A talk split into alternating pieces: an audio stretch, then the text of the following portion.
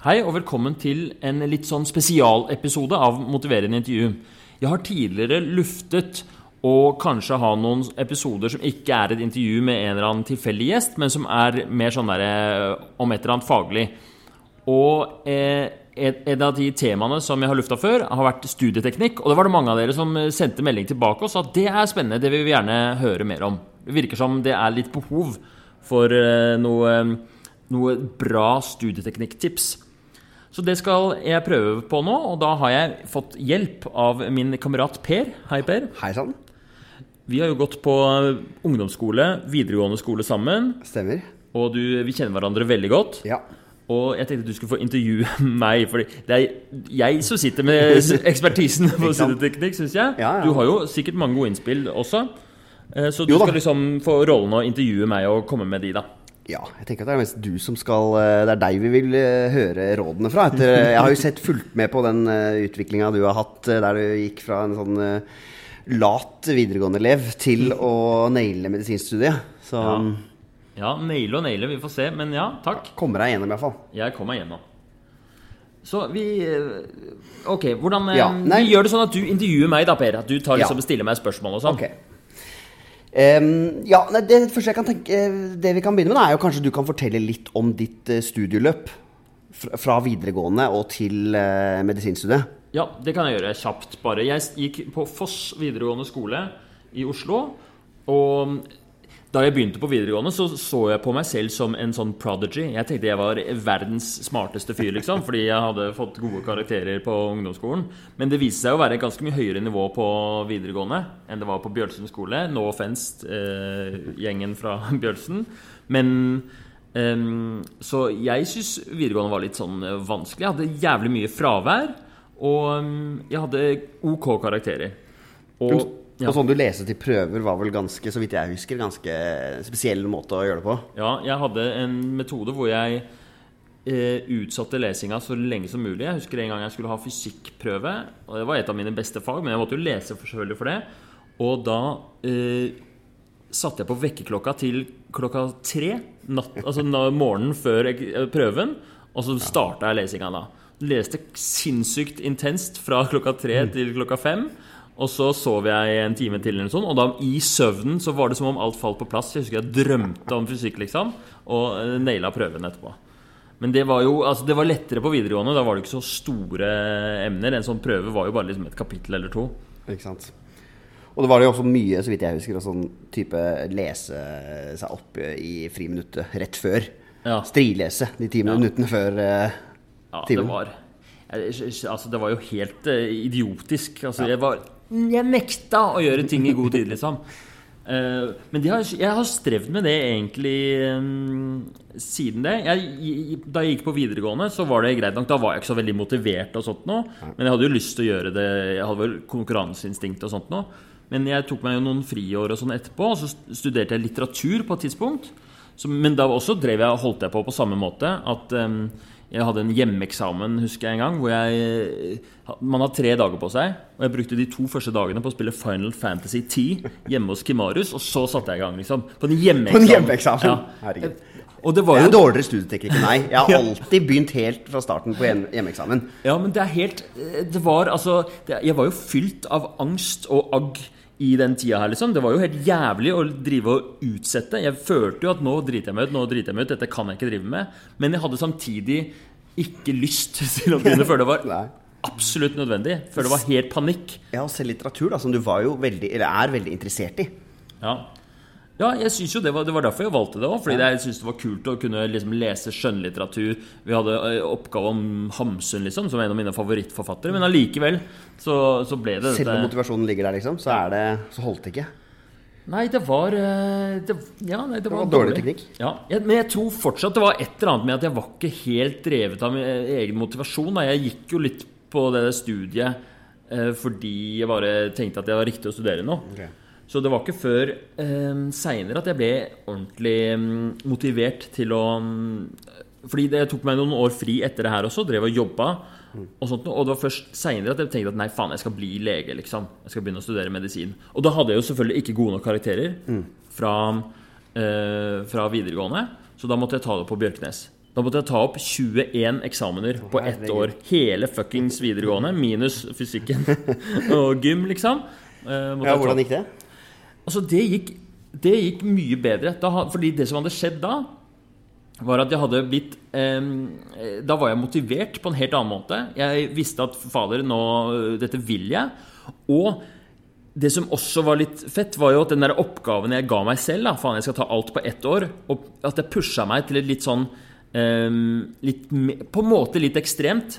Selv om er, jeg er nok ikke den eneste som har gjort det. Men i hvert fall, jeg husker han rådgiveren på Bjørknes sa sånn ja, det er nok litt mye, jeg ville tatt litt mindre. Og da tenkte jeg sånn nei, fuck, jeg skal klare det.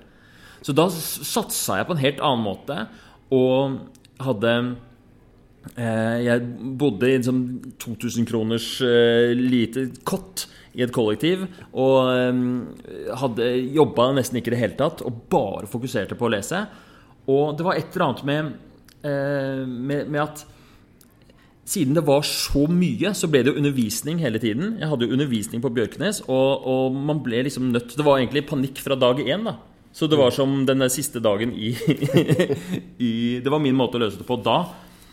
Det var siste dagen i hjemmeeksamen, liksom. Hele tiden. I ett år. Var det noe du lærte av det, som du tok med deg videre til medisinen? Det jeg kanskje først og fremst lærte, var at jeg, at jeg, jeg fikk en eller annen sånn selvtillit på det. da. Før jeg begynte på Bjørknes, så visste jeg ikke om jeg kom til å klare det. Men av en eller annen, grunn så klar, turte jeg å prøve på det. Men, eh, men jeg, jeg, lærte det at fader, jeg kan faktisk få til hvis jeg vil. Eh, så det var egentlig veldig viktig for meg at eh, Jeg var jo også redd da jeg skulle starte på medisinstudiet. Kommer jeg til å få det til, liksom? Jeg hadde jo hørt at det var tøft. Og det er jo også du har snakka om når vi har snakka om studieteknikk, nemlig det å ha selvtillit. Mm. Og, og, tro at man kan klare det. Mm. Det er kjempeviktig. Uh, så jeg skal komme litt inn på hvordan uh, jeg kan godt snakke, Skal jeg snakke litt om det med ja, en gang? Ja. Fordi hvordan får man selvtillit som student? En sånn kjensgjerning ved det å studere, det er at um, kunnskap det merker man ikke at man får. I hvert fall, det har jeg merka meg i løpet av studiet, at jeg har lest så sykt mye medisinske ting og lært meg så jævla mye, men hver gang eksamen begynner å nærme seg, så får jeg, og det tror jeg gjelder for mange, følelsen av at jeg kan ikke en dritt. Jeg er udugelig. Jeg kommer til å bli avslørt på eksamen. Og det er fordi at selv om det er bygget seg opp en stor bank av kunnskap inni hodet mitt, og forståelse, og jeg har jo vært til stede på undervisning, og ting har skjedd inni hjernen, liksom, så kjenner man det ikke. Man kan ikke liksom bare be om en konstutskrift fra hjernen og si sånn «Øh, Hva er det egentlig jeg kan? Den eneste måten å få den, er jo å møte opp på eksamen og få dommen, liksom, og da er det for seint. Så det tror jeg er en hovedgrunn til at det er fort gjort å få veldig lav selvtillit på, i løpet av studiet. Og um, selvtillit er det, er helt, det lærer vi også når, i motiverende intervju, liksom, er at selvtillit er en sånn key faktor da, for å være motivert. Så med en gang man mister trua på at det kan gå, så, så blir det mye vanskeligere å, å gjennomføre eh, gode studieøkter og, og, og sånt noe. Hvordan kan man, en student få bedre selvtillit? Det tror jeg er ved å eh, bruke I hvert fall det har jeg god erfaring med. Det er å bruke litt mer tid på ting man kan. Mm. Altså mm, for eksempel så kan man eh, istedenfor å hele tiden lese kapitler man ikke har lest, og, og liksom chase ny kunnskap, så kan man bruke litt tid på å, å på en måte eh, Hva heter det for noe når man grunner noe? Når man liksom sementerer Ja, man føler mestring. At man, man tar Det jeg gjorde, var jo at jeg ofte lagde små quizer til folk i klassen i forskjellige sammenhenger. Og det var jo en måte for meg å liksom ta noe jeg kunne, og så bruke litt ekstra tid på det, og så hjelpe andre med å lære seg det. Det var jo litt for å være grei med de andre, men det var ja. også litt for å føle at jeg var flink. Det var viktig. Jeg merka ja. det at hvis jeg gjorde det mer, hvis jeg tok litt mer den derre eh, lærerrollen, så, så hjalp det. Det var et tips faktisk jeg fikk på Bjørknes, som jeg syns var ekstremt bra. Det var velg kollokviegruppe med folk som er dårligere enn deg. Okay. Det kan jeg love deg, det var ikke lett å finne på medisinstudiet på Universitetet i Oslo. Men det, var, det, er jo litt satt på spissen, da, men i hvert fall, det handler jo om det å, å sette seg i den situasjonen hvor man kan lære bort. Mm. Så hvis du har en kollokviegruppe, så kan du sørge for at eh, nå skal jeg lese på dette her, så skal mm. jeg lære deg dette en gang mm. iblant. da, At du mm. ikke bare blir sittende og tenke at å, nå skal jeg være med en som er dritflink, som kan lære meg mye. For da blir du hele tiden i en sånn derre det har litt med selvtillit å gjøre, og så har det litt med hvordan man lærer å gjøre. Altså Man lærer veldig mye ved å forklare noe til noen som ikke kan det fra før. Ikke sant? Og da skjønner man kanskje veldig kjapt hvilke ting man faktisk ikke helt skjønner sjøl også, når man forklarer og, og stotrer og skjønner, merker at oi, shit, det, det Ja. skjønte jeg ikke. Ja, det, ikke det har jeg ikke, tydeligvis ikke så god peiling på det som jeg trodde. Ikke sant? Fordi Én ting er å lese det, men en annen ting er å bruke det og forklare det. Og det er en sånn ekstra innomgang som er veldig verdifull. Og som også gir den der selvtilliten som jeg tror er litt essensiell. Altså. Og dette føler jeg går litt inn på det du kanskje kommer inn på senere, men hvordan man skal tilnærme seg selve pensum. Ja. Om man skal gå eh, veldig dypt, eller gå litt over alt, eller ja. Men, men det var kanskje ikke noe Du har kikka i notatene mine? Ja, ja, det har jeg. Ja. Kikket i notat- notatene. Fordi Jeg kan bare, bare gjøre ferdig sånn For vi snakka jo om Bjørknes. Om Ja. at det var eh, Og så begynte jeg på medisinstudiet i Oslo. Bare sånn at folk har en, en bakgrunnshistorie på hvorfor jeg kan uttale meg om studieteknikk. Og gjennom de seks årene som medisinstudiet tar, så er du jo eksponert for veldig mange forskjellige typer eh, fag. Altså Noen er veldig sånn puggete, mens andre handler mer om forståelse. Noen er sånn etikk, samfunnsmedisin, som er, eh, som er hvor man skal svare med, med, med lange med lange historier, liksom, mens andre er sånn Det er den sykdommen. Og så er det også kliniske ferdigheter, så det er veldig sånn bredt fag. Og øh, mange, mye variasjon. Så det, det har merk... øh, I løpet av seks år på medisinstudiet så tror jeg de fleste lærer veldig mye om seg selv og sine egne eh, læringsteknikker. Og det jeg merka, var jo jeg var helt Jeg var jo eh, hjerneskada. Jeg var jo eh, rett og slett udugelig. Jeg har ikke snøring på hvordan konsentrere seg. Jeg kan sitte i en forelesning i 45 minutter og få eh, Nå tar jeg litt i, da, men jeg f- f- Mordtanker. Jeg har så mange ganger fantasert om å drepe professoren. Særlig de gangene du vet når du sitter der og er så jævlig ukonsentrert og sitter og ser på klokka. Faen, det er en halvtime igjen, og jeg har begynt å se på klokka allerede. Og um, det bare maler på. Og så er det fem minutter igjen. Og han er ikke i nærheten av å gjøre seg ferdig. Du skjønner på slidesene at det her kommer til å ta utover, uh, utover pausen. Og det er kvarter pause, og du håper liksom Please, eh, kan jeg få tid til å ta meg en bagett, liksom? Eller et eller annet? Kanskje snakke litt med Jørgen. Og så bare går det fem minutter over, og du sitter der og bare vil drepe foreleseren. Og når det endelig er ferdig, så kommer det jævla klassekameraten og stiller spørsmål i plenum. Fy faen. Og, men det var liksom Jeg følte hverdagen min var den der ekstreme frustrasjonen i forelesninger. Og eh, hele tiden den derre At jeg klarte ikke å lese den boka, liksom. Jeg klarte ikke å, å, å forberede meg. Jeg syntes det var jævlig vanskelig. Så jeg ble nødt til å finne eh, Jeg leste masse om studieteknikk og brukte masse tid på å finne teknikker og sånt som passa for meg, for ellers hadde det ikke gått. Nei, og det tror jeg noe veldig mange kan kjenne seg igjen i. Den følelsen av å sitte og kjede livet av seg i en forelesning. Og, og det er jo veldig vanskelig å løse det. Hvordan løser man det, liksom? Det har jeg svaret på, Per. Ok. Skal jeg forklare hvordan det Ja, veldig gjerne. Ok. Trikset med uh, forelesning Det handler mye om å, I hvert fall for meg, da. handler mye om å tilrettelegge. For det første, jeg kan ikke havne utpå med f.eks. Uh, å drive og snappe og sjekke nettaviser og sånt nå. Så uansett hvor kjedelig det blir, jeg kan ikke begynne å underholde meg selv. Nei. Eneste jeg kan ha lov til, det er å ha en, eh, en fagbok som er jævlig kjedelig også, som jeg kan lese i under forelesninga hvis det er hvis det, hvis det går veldig sakte, så kan jeg lese, lese meg opp på det som det snakkes om. Underholde deg ved å gå kjappere gjennom, rett og slett. Ja, eller i hvert fall stimulere hjernen. Det er jo ikke underholdende, men det er men det, Fordi det jeg trengte i forelesning, var ikke egentlig eh, underholdende, men jeg trengte at det gikk fortere. For det som er problemet med en forelesning, er ofte at det går så jævlig treigt. Det kommer et lite øyeblikk, det trenger ikke å være mer sekunder, hvor det stopper opp. Enten det er noe kødd med, med slidesa, eller eh, bare han snakker jævlig sakte. Og da, da, da faller jeg ut.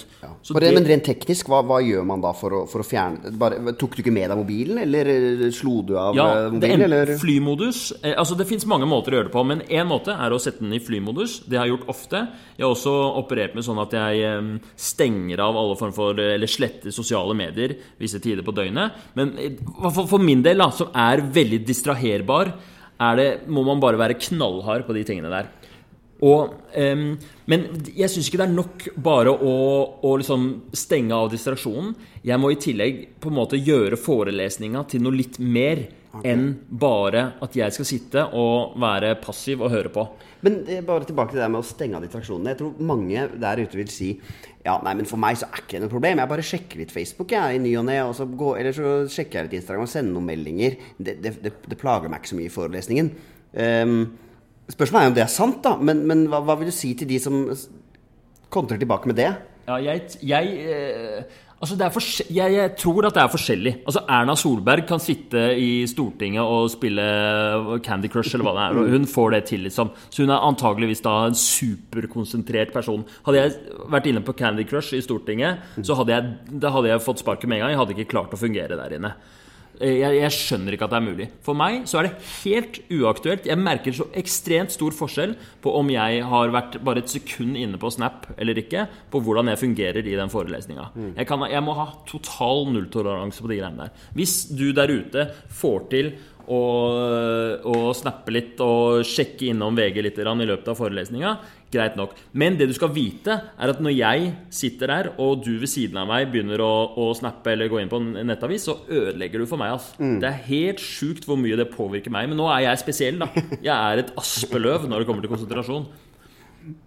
Men det som, eh, det som, virkelig hjalp meg i forelesning, altså det som gjorde at det ikke ble så jævla kjedelig, det var å gi meg selv litt ordentlige oppgaver.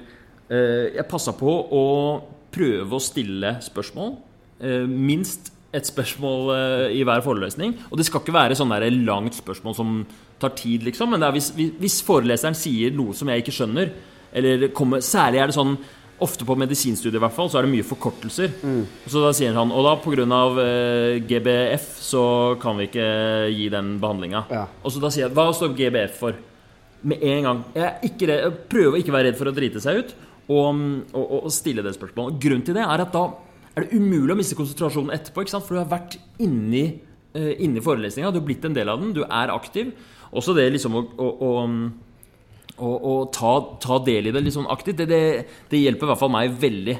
Så hvis du er en sånn person som kjeder deg i forelesning, prøv å stille spørsmål.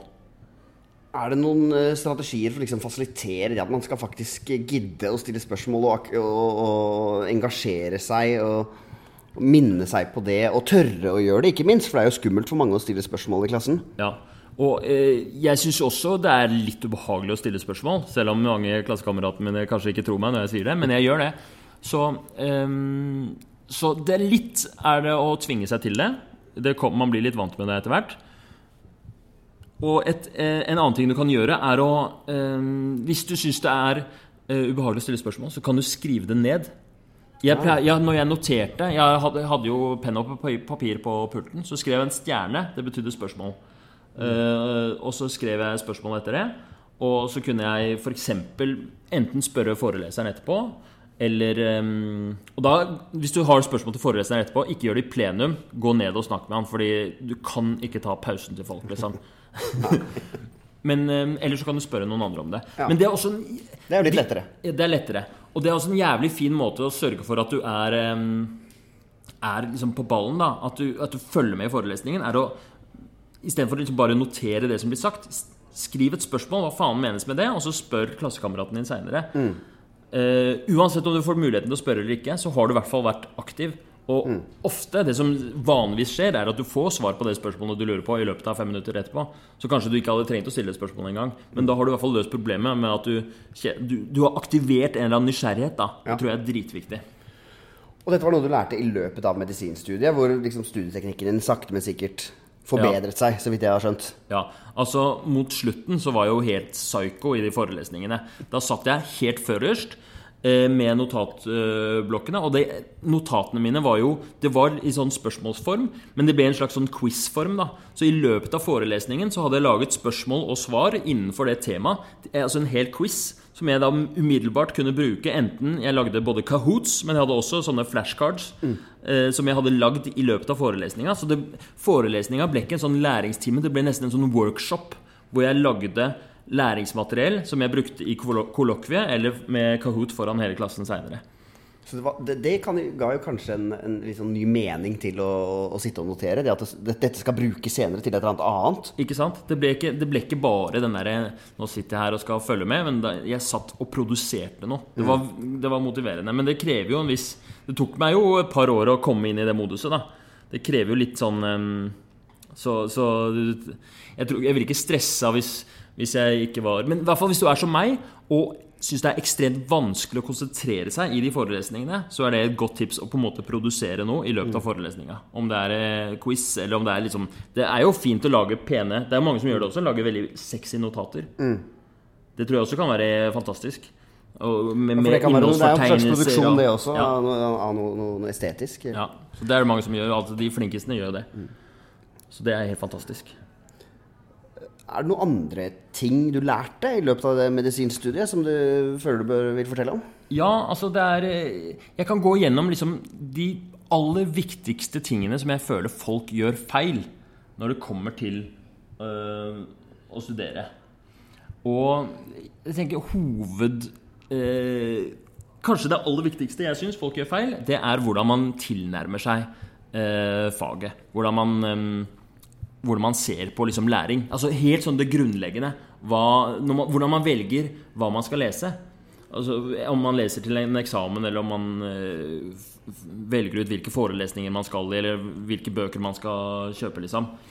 Fordi, eh, sånn jeg ser det, så er studiet basert på en sånn slags fear of missing out-struktur. Øh, FOMO. Mm. Det har du hørt om, ikke ja. sant? Det er når du er redd for å gå glipp av noe. Ja. Så eh, man har en sånn eksamen i den andre enden, og målet ditt er å, å, å, ta pensum og så være ganske god i alt. Sånn at ingen kan ta deg på noe. ikke sant? Mm. Så strategien da blir å se, ta hele pensumet, alle de forskjellige fagene, linje de opp ved siden av hverandre, og så starte sakte, men sikkert og lære seg litt om La oss si du det, dette faget Hvis det er juss, da, ikke sant? så skal du lære deg litt om rettsjuss og litt om Eh, helsejuss og litt om, eh, om Norges lover på 1800-tallet, eller hva faen det er de der jusstudentene leser, liksom. Men ja. du tar litt av alt. Mm. Og, um, og, prøver å liksom eh, dekke liksom, Ja, det maker jo sens, det. Gjør det ikke det? Det maker jo på en måte sens å hele tiden dekke der hvor du kan minst, sånn at du ikke har noen kunnskapshull. Hele tiden tette kunnskapshull. Men problemet med det er at det blir eh, Jeg mener at det blir kjedelig og mm. ineffektivt. Okay. Fordi du hele tiden jobber eh, der hvor du ikke Sånn som vi snakka om selvtillit i stad. Du mm. jobber der du ikke har kompetanse. Mm. Og du hele tiden må drive med den aller kjedeligste formen for, eh, for lesing, liksom. De derre lese boka. Hva er egentlig greia med eh, med helsejus? Og så er det Det er, altså det er så vanskelig, da. Jeg mener å øke vanskelighetsgraden. Fordi det er, du begynner alltid med boka. Du begynner alltid med den kjedelige læreboka når du skal lære deg nye ja. temaer. er Det du tenker? Det er den kjedelige læreboka, og, og, og det er sånn tungt maratonarbeid som kanskje fungerer for noen typer mennesker, men for meg så føles det som helt feil måte å tilnærme på. Og jeg har lyst til å presentere en radikalt annerledes måte okay. å tilnærme seg faget på. Ja, ja, Eller hvilket som helst fag. Ja. Og det er det jeg kaller for teltstangmetoden. Okay. Så hvis du ser for deg at du har alle um, alle, alle, fagene lina bortover. ikke sant? Uh, helsejus og rettsjus og Norges lover på 1800-tallet og masse greier bortover. Og så ser du for deg at du skal sette opp et telt. Og Hvis du skal bruke FOMO-metoden, så setter du opp bitte små teltstanger på alle. Og så på en måte legger du teltet over. Så det blir et flatt telt som dekker alt. Lave stenger, da. Lave stenger på alle. Masse små lave stenger. Mm. Det jeg føler gir mening, er jo å ta ett av disse emnene og det som du syns er fetest, og sette opp en svær jævla teltstang der. Okay. Og så legge teltduken over, sånn at du dekker over like mye, men det, det, den blir drithøy, da. Mm. Så du bruker mye energi på ett lite sted. Ja. Du fordyper deg i noe. Og da, eh, sånn jeg ser denne teltstanga nå, da, så er jo den, da, den er jo skrått utover andre fag også. Så mener jeg mener det er en slags spillover fra det feltet du, du, fordyper deg i? Akkurat. For det som skjer når du virkelig fordyper deg i noe, da La oss si du fordyper deg skikkelig i, i eh, helsejuss. ikke sant? At du ikke bare leser boka, men du setter deg inn i noen eksempler på det. Du snakker kanskje med foreleseren, du lager en liten quiz om det, og du bare angriper det fra alle sider. Kanskje det fins en eller annen avansert eh, forelesning på YouTube om det fra USA, ikke sant? Og du blir litt sånn ekspert på det området. Eh, Det som skjer er at For det første så er det gøyere. Det er mye fetere å føle at du blir dritgod i noe. ikke sant? Og så eh, Kanskje han foreleseren ble litt imponert, og du føler deg rå når du sitter og ser amerikansk eh, ikke sant? Du føler deg som ekte student. Og Så du er liksom aktiv, og du jobber. Og det som skjer, er at du kan ikke unngå å få liksom sammenhenger over i de andre fagene. For disse, alle tingene henger jo sammen, ikke sant? Så med en gang du nå hører i et eller annet kollokvie eller i en eller annen forelesning en sånn eh, greie om et eller annet, da, rettsjus, så kan du tenke å ja, men det var jo litt interessant, fordi i helsejusgreia, det som jeg leste om når jeg var langt inne i noen avanserte artikler, det passa jo ganske bra med det. Så ting blir mye lettere å huske. Så du får sånne knagger å henge ting på overalt. da. Ehm, og uh, i tillegg så er det liksom den derre den derre følelsen av å være rå i noe. Det gjør at når du da skal liksom sette i gang med, med, med et annet emne, norske lover på 1800-tallet, Ja. så drives du litt av den derre Faen, jeg er jo jævlig flink Ja, i ja. helsejus. Jeg vil dit der også. Så dette går tilbake til selvtillitspunktet som vi snakka om tidligere? Det går tilbake til selvtillit. Så, og også hvis man ser på det i et større bilde, så er det her mye mer relevant for f.eks. fremtidige arbeidsgivere. Hvis du sitter på et jobbintervju, og så blir du spurt om noe, og så hva er det du syns er spennende? Faen, jeg er dritinteressert i helsejus. Har du hørt om den der sånn? Og så sitter han og intervjuer deg. Bare, faen, ja, men Har du lest den artikkelen? Kødder du? Ingen andre studenter har lest det. Og så er du liksom på et helt annet nivå. da Og da er det ikke så farlig om du blir avkledd på eksamen på en sånn lite felt. Det spiller ikke så stor rolle. Fordi For det første så tror jeg på den spillover-effekten. At du kommer ikke til å få noen store kunnskapshull hvis du angriper emnet på denne måten. For det andre så er det mye kulere å være en sånn der polarisert student. da Ja. Du kan mye om noe, og kanskje ikke så mye om annet. Ja. Frykten mange har, ser jeg for meg, vil jo være at, eh, at du, du gambla på feil greie, da, og så plutselig så ble det tilfeldigvis i år en eksamen som var veldig fokusert mot eh, eh, havrett, ikke sant? Ja, og det kan jo skje. Det er jo alltid en gamble å lese til eksamen. øh, hvis man Men, men jeg, jeg mener at det er en å gamble på helt feil hest og, og prøve å kunne litt av alt. Fordi det blir rett og slett for dårlig. Hvis du ser på de folka som får gode karakterer, så, så drives ikke de av sånn frykt for ah, shit, jeg må tette kunnskapshull. De jobber på den måten hvor de blir interessert i ting, og hvor de utforsker ting litt ekstra. De er ikke redd for å plutselig bruke en time eller to ekstra på noe de syns er gøy. Altså, På medisinstudiet da, så plutselig så møter du en pasient som har en eller annen sær sykdom, som du sikkert ikke får noe på eksamen, men fader, hun dama der hadde dermatomyositt, ikke sant? Og så bare spør du henne ut om det, og så leser du litt opp på det, og så har du fått en sånn relasjon med hun dama her. Og så, og så har du lært noe om det, og det spiller over. Så neste gang du er på eksamen i hud, da, så er det en som kanskje ikke har eh, dermatomyositt, hun har en kvise, og du skal liksom forklare det på, på eksamen, så kan du bruke den kunnskapen allikevel. For du kan si sånn eh, Ja, jeg vet i hvert fall at det ikke er dermatomyositt, for det hadde vært sånn og sånn og sånn. og sånn. Ikke sant? Altså, Å ha sterke kunnskaper i noe er mye mer verdifullt enn å ha liksom ingen kunnskapshull. Ikke Det er, bare, det er i hvert fall ja. min teori. Ja, ja. Makes sense. Og uansett, jeg tror det aller viktigste grunnen til at dette er et godt tips, det er fordi det blir så mye gøyere å være student på den måten her. Og hovedproblemet for studenter som gjør det dårlig, det er at de kjeder seg. Det er det som er grunnen til at folk gjør det dårlig. Det er ikke fordi de er dumme eller fordi de ikke har viljestyrke, men fordi de har havna inn på et sånt spor som er jævla døvt. Det tror jeg i hvert fall. Ikke sant? Ok, Eh, det, var, det var litt av en, det var litt av en uh, teori. Ja, det er min teori. Det er litt teori. Ja, ja nei, men eh, em, har du noen andre, har du noen andre uh, store teorier som Ja. er, måte, går så dypt inn på hvordan man skal i hele tatt tilnærme seg det faget man studerer? Ja, jeg tror en annen grov feil som jeg ser studenter gjøre, det er hvordan man planlegger uh, uka si. Okay. Rett og slett. Hvordan man setter uh, Hvordan man ser for seg at man skal lese. Ja, da tenker jeg litt sånn Jeg som student har jo aldri planlagt ukene mine i det hele tatt, egentlig. Nei, ikke sant? Så når du skal studere, og så er det en eksamen coming up, ikke sant? og så har du dårlig selvtillit, og tenker faen, nå må jeg ta i litt, jeg ligger etter. Så, så eh, du, du, du, det, du, det som mange gjør, da, er at de tenker ok, den helga her skal jeg bare gønne lesesalen. Jeg står opp ni, er på Ja. lesesalen til elleve, ferdig. Jeg skal drite i Ja. alt annet. Ja. Hele uka. Ja, Det som man, kom, man, kommer, dit- man, man kommer dit at man har ikke har noe valg, på en måte. Ja, eller man, man tenker at man ikke det her, nå, Jeg snakker ikke om to dager før eksamen. Nei, ok, det ikke jeg det. snakker om uh, Vi er på medisinstudiet nå, så Ja. vi starter med Vi får panikk allerede Ok, i oktober. Liksom. ja, sånn sånn Ja. var det ikke på samfunnsøkonomi eh, på SV. Der var det ganske lugnt, altså.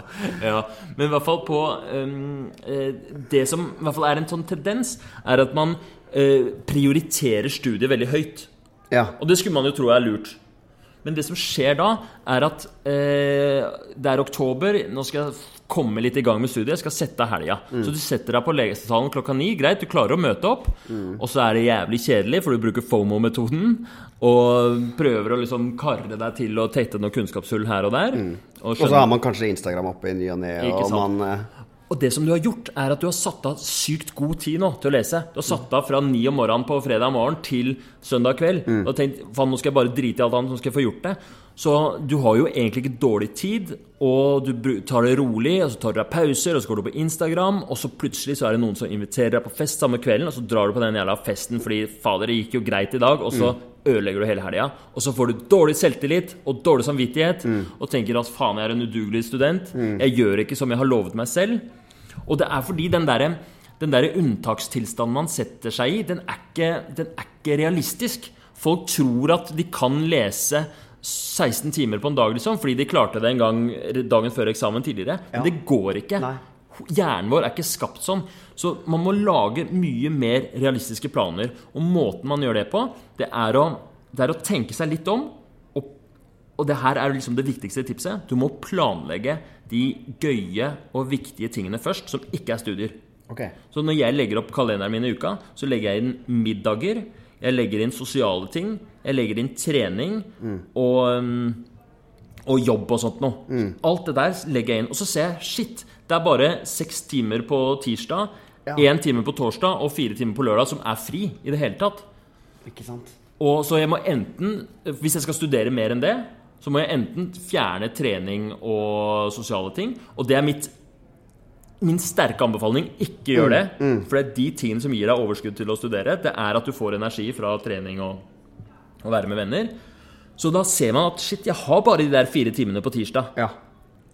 Og da blir det en helt annen motivasjon når du sitter der og, og leser. Ikke bare er det eh, en sånn viktighet over at faen, jeg må få gjort det nå, ellers så har jeg ikke tid ellers. Men det er også ser du, Det er jo bare fire timer. Du har ikke, Ikke satt av den derre tolvtimersøkta. det er mye Nei, nei. lettere å motivere seg til den. Og da, du har lagt inn den økta i eh, Da står det lesing i eh, kalenderen din. Da står det helt tydelig i kalenderen, og hvis du virkelig er rå, og det anbefaler jeg at folk er, så står det hva du skal lese på, og det står når du skal ha pause, og det står hva du skal spise, og hva du skal belønne deg med underveis. Faen. Men eh, ja du Når du skal pisse og Klokka 13.30 pisser jeg. ja. Ja, men det er bra. Jeg kjenner meg igjen, må jeg innrømme. Sånn, ikke, ikke bare i studier, men i jobb. Når jeg tenker sånn åh, nå har jeg hele søndagen, nå skal jeg, nå skal jeg få gjort skikk, nå skal jeg komme ovenpå. Jeg skal bruke ti timer på søndag for å jobbe. Men så kommer det, viser det seg plutselig at nei, shit, da ble jeg invitert for kaffe, og så går jeg ut og gjør det, og så må jeg ut og handle en liten tur, så må jeg vaske noen klær, så er det bare sånn Oi, shit, det ble bare seks timer, det. Og så er jeg i dårlig humør etterpå fordi jeg har sløst bort masse tid.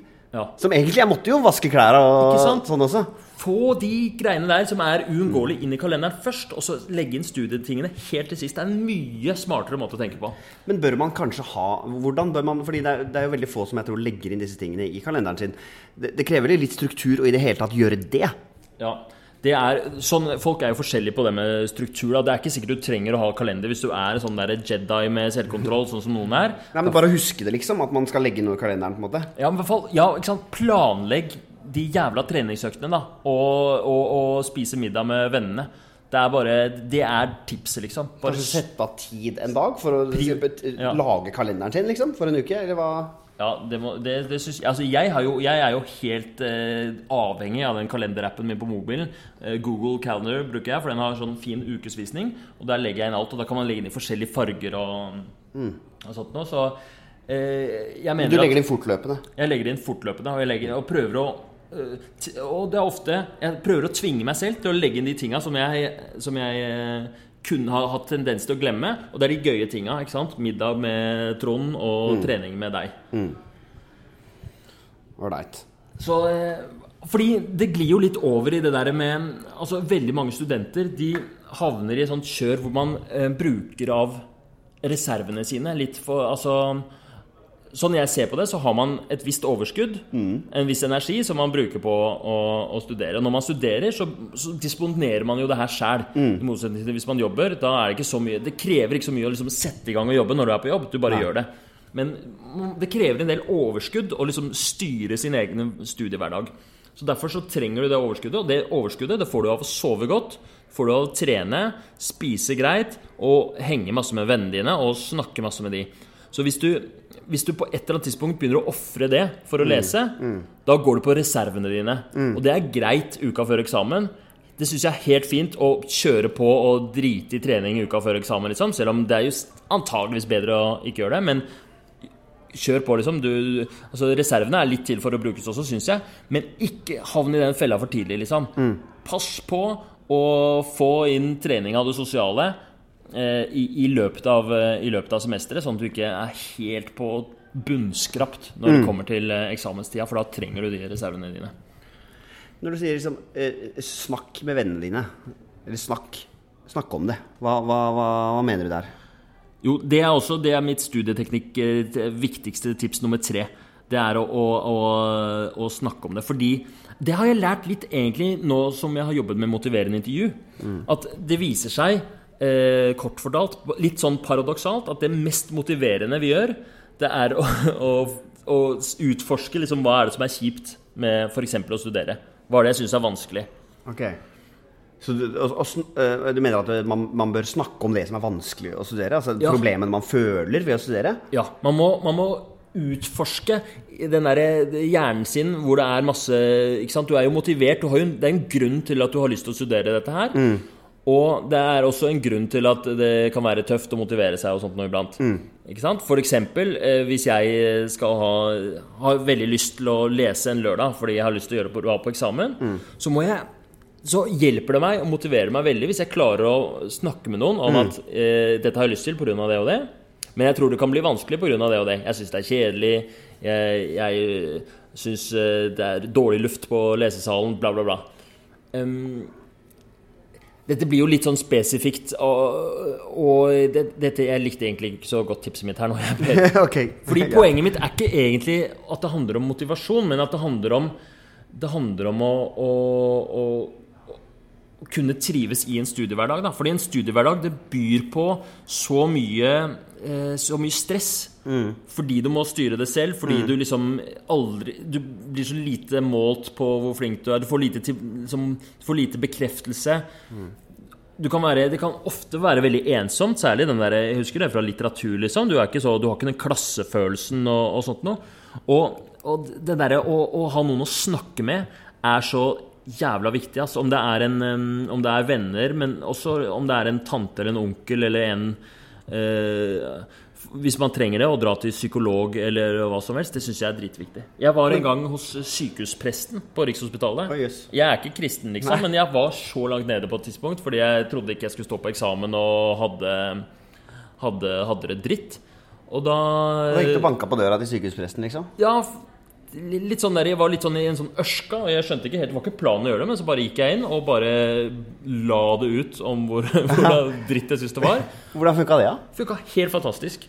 Ja, da var jo, det var på et tidspunkt hvor jeg holdt på og tenkte sånn Nei, fuck, jeg klarer ikke dette her, fordi jeg syns det var så jævlig vanskelig å følge med i forelesninger. At uh, uh, Han var åpen for å høre om det. For å... Ja, og han eh, var helt fantastisk hvordan jeg ble møtt, faktisk. Og han, jeg var litt redd for at han skulle begynne å snakke om Gud eller stille meg spørsmål om er du kristen nok for dette her. Liksom. Ingenting. Var bare, bare en helt sånn Han sa ikke noe særlig. Han bare lytta til meg. Og så til slutt så sa han sånn Men du, bare prøv eh, å gå på eksamen, Ja. Det går nok bra, sa han. Ja, Og så gjorde du jo det.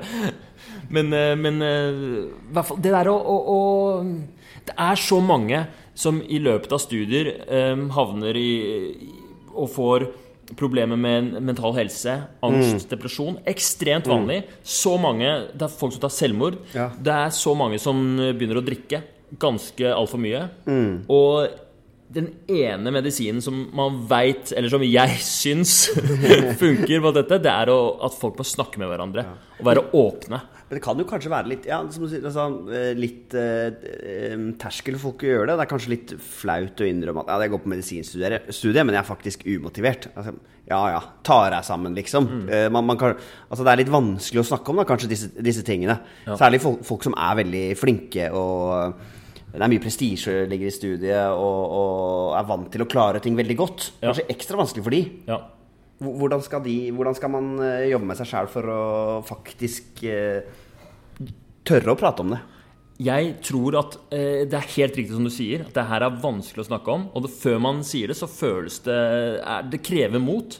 Og mitt tips til det er å på en måte begynne litt i det små. Bare, bare vent, liksom. Hvis du bare kommer med en liten innrømmelse at du syns noe er vanskelig, til en medelev, så kan jeg garantere deg at den andre kommer til å si sånn Faen, jeg er helt enig, jeg syns det er dritvanskelig. Og så kan jo hende noen ganger at eh, du snakker med en supermann, da, som, men, men ja, de aller fleste syns det er eh, ikke bare veldig greit å kunne hjelpe noen som spør om råd, men også givende. Mm. Å kunne være Det er jo en tillitserklæring når du sier du Halla, halla Per, du, jeg, jeg, sliter med, med motivasjonen nå, kan mm. du hjelpe meg? Det er jo eh, I hvert fall hvis noen spør meg om det. Mm så, så, så blir jeg, da blir jeg bare glad, og jeg får lyst til å hjelpe. Ikke sant? Og det tror jeg er en sånn felles uh, greie vi mennesker har. Ja. Hvis noen der ute tenker det, at shit, jeg sliter på studiet, jeg uh, syns dette er vanskelig, og jeg har ingen å snakke med, ja, send meg en melding, så skal, jeg, skal, du, skal, jeg, skal, du, snakke med meg, så skal jeg finne noen du kan prate med. Ja, bra. Um nå begynner vi å nærme oss uh, slutten her, føler jeg. Jeg har holdt på en stund. Men det er en ting som jeg synes har vært veldig morsomt med hvordan du har uh, holdt på på dette medisinstudiet, er jo at du har kjørt masse sånne forskjellige sånne hacks. Hvor du bruker sånne spill og apper for å liksom gamifye, på et vis, studiet ditt. Ja. Kan du fortelle litt om de forskjellige tingene du har gjort der? Ja, det kommer jo litt av eh det er, det er, basert litt på at jeg syns det er vanskelig å konsentrere meg. Og så tenker jeg samtidig at eh, det som skal til for at jeg blir en god lege, det er at jeg kan mest mulig. Eller at jeg har brukt mest mulig tid på relevante ting i løpet av studiet. Og, eller liksom en slags kvantitet av lesing. Og så er det også eh, viktig at det er kvalitet på det. Og mm, det som viser seg Jeg leste en gang en sånn forskningsgreie på hva, slags, hva, som gjør at man husker best. Mm. Så å lese en bok, det, er, det var sånn Det var rangerte det i form av stjerner. Da. Det var én stjerne. Mm. Sitte i forelesning, én stjerne. Det eneste som ga tre stjerner, det var å drive med oppgaver. Ja. Så enten løse eksamensoppgaver, eller altså, Fordi du blir, blir trigga, du, du, skaper en sånn nysgjerrighet, og så må du liksom uh, prøve å gjøre oppgaven. Og så kanskje du klarer det, kanskje du klarer det ikke, og så ser du fasiten, og så prøver du igjen. Så, det er liksom en bedre måte for å huske på. Ja. Så eh, basert på det så tenkte jeg at nå skal jeg liksom eh, prøve å fylle my mye av fritiden min også med faglige ting, da. Så jeg startet en, en Snapchat-konto. Eh, hvor jeg hadde en liten medisinsk quiz. Mm. I starten var det bare jeg som lagde så jeg lagde ja. hver dag en liten medisinsk quiz ja. om et eller annet tema. Tenkte at det kunne være en måte å gjøre både litt morsomt og motiverende og, og, og fordype meg i, i, medisin på. Da. Ja. Så da, kunne, da, tok jeg bare hva som helst, et eller annet som interesserte meg. Og så lagde jeg en quiz om I dag skal det handle om hypotyrose. Det vi skal fram til, er eh, hvilken kjertel Ikke sant, Så var det noen bilder, og, så, det noen bilder og, og så skulle folk svare, da, eller? Ja, folk, ja, og det ble jo da Det er sikkert en del som veit, men det ble jo etter hvert ganske svært. Og nå er det en Instagram-konto som heter Medisinstudentsnap, som har 3500 følgere, eller noe sånt, hvor det kommer quiz hver dag. Men dette begynte fordi du visste at oppgaveløsning er den beste måten å lære på morsom måte å gjøre oppgaver på, mm. det er å lage Snapchat-greier. Uh, ja, jeg tenkte at hvis jeg i, i det minste lager én quiz hver dag mm. uh, om noe som er relevant, og holder på med det i løpet av hele legestudiet, så kommer jeg kanskje til å bli en ganske god lege. Ja. Det var tanken min. Uh, så det, det, er også tips til dere hvis dere vil bli gode i et eller annet. Lag en quiz om det. Jeg tok jo det quiz-greiene litt videre også. På noen av semestrene så lagde jeg Kahoots som, på, som, jeg prøvde å, jeg gjorde i løpet av forelesningene. Og lagde Kahoot som dekket nesten hele pensum. Og så holdt det for klassen. Ja. Jeg er så streber, Per. Det er det. Jeg er, en, veldig, jeg er en ekstremt flink pike. Ja, det vet jeg. Det vet jeg. Men, men det, var jo ikke, det var ikke fordi jeg tenkte å, nå vil jeg hjelpe klassen. Det var ikke først og fremst det. Det var egoistisk. Det var fordi det er den eneste måten jeg kan øh, motivere meg til å liksom drive med selvstudie. Det er å på en måte eksternalisere det litt. Da. Sette litt utafor meg sjøl. Få det til å bli noe jeg produserer. Det syns jeg er mye mer givende. Og da var, var det noe også i dette du snakka om, med, med å lære bort til andre? At du føl, og det med selvtillit, og følte at du mestrer noe? At, at du på en måte var Du lærte litt til andre også, da? Ja, det ble, det ble alt på en gang. For det første så var det mye gøyere å være forelesning, fordi jeg hadde en oppgave. Nå skal jeg lage spørsmål til Kahooten. Eh, For det andre så var det motiverende, fordi det ikke bare gjaldt meg, det gjaldt noen andre også. Ja. Eh, For det tredje så var det litt sånn derre mm, teltstangmetoden. Fordi jeg satte meg jo inn i visse ting ganske bra for å, for å lage spørsmål om det. Jeg kunne jo ikke stille spørsmål om alt. Og jeg tok også da og hadde sånn gjennomgang med professoren for å kvalitetssikre der før vi skulle ha den store kahooten med klassen. Altså tentamen, kalte jeg det. Eh, Så det ble en sånn derre Det ble en ekstremt lærerik time hvor jeg satt med forelesende ekspert i f.eks. gynekologi. da Og viste alle spørsmålene jeg hadde laget på gynekologi. Og så gikk hun gjennom og Nei, det er ikke helt riktig, du må endre svaret der fordi sånn og sånn. Det var dritlærerikt. Så connecta du bedre med lærerne også? Connecta med læreren og fikk et sånn anbefalingsbrev av læreren, for hun syntes det var så rått, den der Kahoot-greia. Så, så det var er karriere, karrierefremmende i Ja, jeg tror det var faktisk derfor, litt derfor jeg fikk, den, eh, fikk turnus på Ullevål. På grunn av det der. Men i hvert fall, samme det. Poenget er at eh, det var, kom jo egentlig bare fra at jeg syntes det var kjedelig forelesning. Ja. Så jeg måtte ha noe som, Så det var en sånn idé, da. Men jeg syns jo det var Det var litt Det var jo ganske flaut og skummelt å drive og, og liksom utsette seg for det og ta så mye plass i klassen. Ja, fordi Det tenker jeg at det er veldig mange andre vil også føle på. da Så Hvordan er måter man kan gjøre dette her, men i litt tryggere eh, rammer og ikke i like stor skala? ja, ikke så ekstremt. ja, Folk som ikke er så komfortable med å liksom lage noe for hele klassen. nødvendigvis. Ja.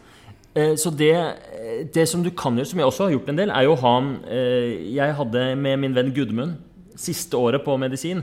Da skal du jo besvare mm, eh, eksamensspørsmål om alt du har lært.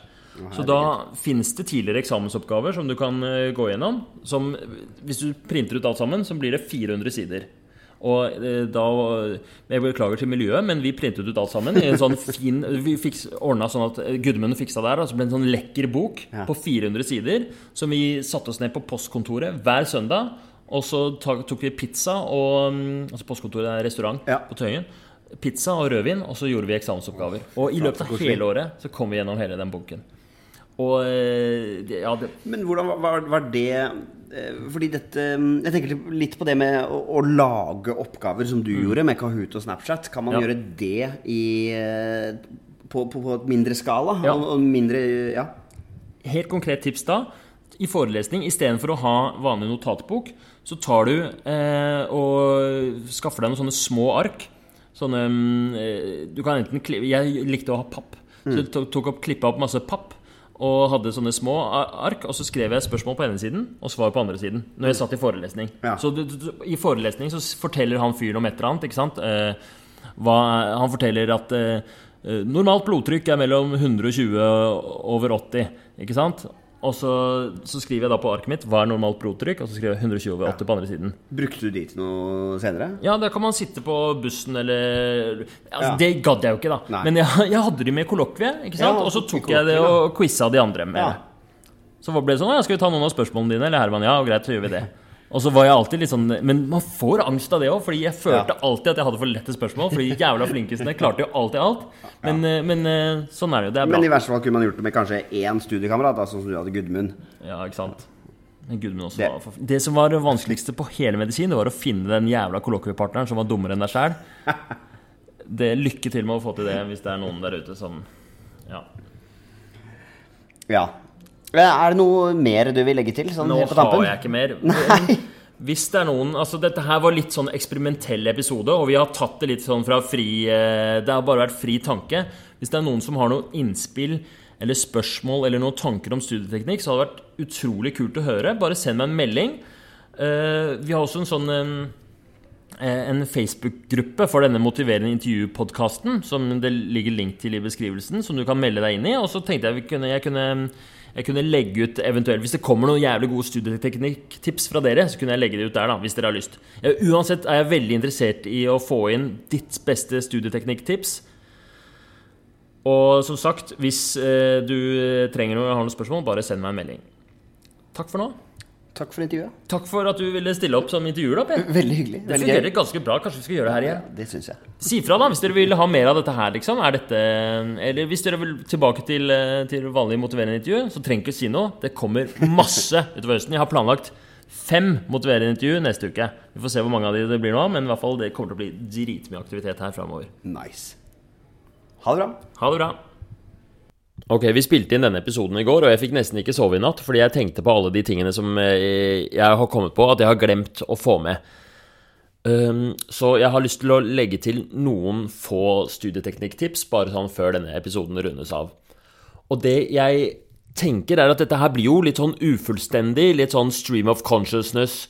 Eh, litt tilfeldig hvilke tips som kommer med og kommer ikke. Så det jeg har tenkt til, er å Hvis dere som lytter vil, så kan jeg lage en ny eh, episode eh, litt senere, hvor jeg svarer på eventuelle spørsmål og tar med tips og innspill fra dere. Så hvis du har noen spørsmål om studieteknikk til meg, så send de til Herman Egenberg på Messenger, eller på Instagram hvis du heller vil det. Og så kan det hende at jeg tar det med i den, eh, en ny episode om studieteknikk, hvis det er interesse for det. Og gjerne også send ditt beste studieteknikktips, det som funker for deg. Det er ikke sikkert det som funker for meg, er det som funker for alle. Så hvis vi klarer å få til en sånn derre ordentlig brainstorming felles her nå, så kanskje eh, jeg kan supplere denne episoden med en skikkelig bra eh, tilleggsepisode senere. Men i hvert fall, det jeg har lyst til å uansett legge til av de tipsene som eh, jeg og Per snakka om i går, det var at um, det ble litt, kanskje litt mye sånn negativitet. At oh, det er så forferdelig å studere, og det er så stress og sånt nå. Og det, jeg står jo for det, men det, vi må huske på at å studere er utrolig gøy også. Vi bor i et land hvor det er gratis å ta høyere utdanning. Og du kan Du har råd, og du har tid, og du har muligheten til å utforske nesten hvilket fagfelt du vil. Og det, bare, det er jo helt fantastisk. Så det må vi nyte og benytte oss av. Og, og som student så har du frihet over din egen tid. Du kan være så sosial, du får nye venner som du får for livet. Og det er en fantastisk tid, så ikke glem det. Men jeg står ved det poenget at i og med at det er så fritt, så er det fort gjort at man blir litt sin egen sånn verste fiende. At man får seg veldig høye forventninger og stiller veldig høye krav til seg selv om at man skal få kjempegode karakterer, man skal være med på alt av fester og det sosiale, og man skal ha en dritrelevant jobb ved siden av og et fantastisk kjærlighetsforhold med, med kjæresten eller typen, eller hva som helst. Og jeg tror at det er utrolig lurt å prøve å senke forventningene litt. At jeg husker jeg fikk en sånn aha-opplevelse en gang, hvor jeg sa til meg selv plutselig bare sånn Vet du hva, Herman? Du gjør ditt beste. Vær en ternekast fire-student. Vær bare en helt normal student. Få til Få en OK karakter og vær litt sosial og bare få det til helt OK. Det er godt nok. Gjør ditt beste, og det er bra nok. Og det er mye Hvis man klarer å ha litt den innstillinga, så er det mye lettere òg å få til den der som jeg snakket om i, i, tidligere, den der teltstangmetoden. At du, at du får deg litt sånn albuerom. Ok, jeg har en god eh, ternekast fire-plattform her nå. Da kan jeg bruke litt tid på å utforske et eller annet jeg syns er spennende. Eller, eller, eller, gjøre et eller annet som er litt, litt på siden. Som ikke er nødvendigvis er så relevant for akkurat eksamen. Så det er liksom det viktigste tipset jeg, jeg har lyst til å ha med. Så bare husk det. Ikke Sett for høye krav og forventninger til deg selv i denne tida. Ha et sånn OK terningkast fire utgangspunkt, og så bruk den, det overskuddet du får av det, til å, til å sette opp teltstang.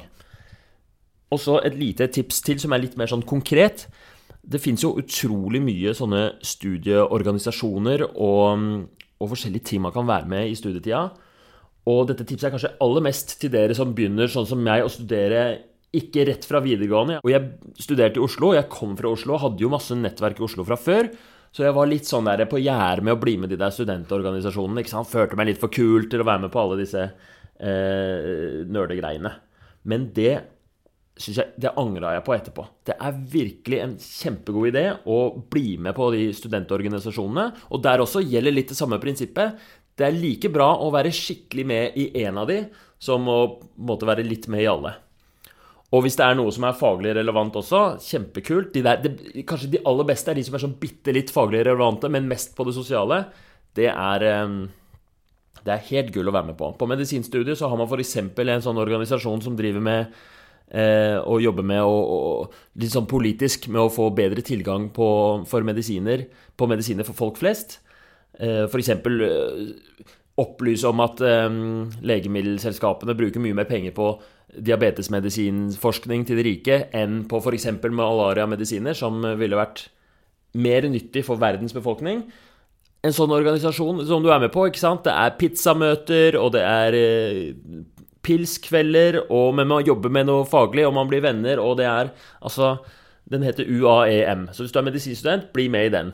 Hvis du er uh, jusstudent, så er det noe sånn jussbuss-greier som er faglig og gjør verden til et bedre sted, og du får venner og det er også, alle disse tingene her er jo dritlurt å gjøre med tanke på karriere og sånn videre. Så en sånn studentorganisasjon, hva som helst, gå for det. Og ja, tusen takk for det. Lykke til med studiene, alle sammen. Jeg håper dere får en fin studietid. Gjør deres beste. Gå for å være ternekast fire-student. Bygg en liten teltstang på et eller annet som du interesserer deg for.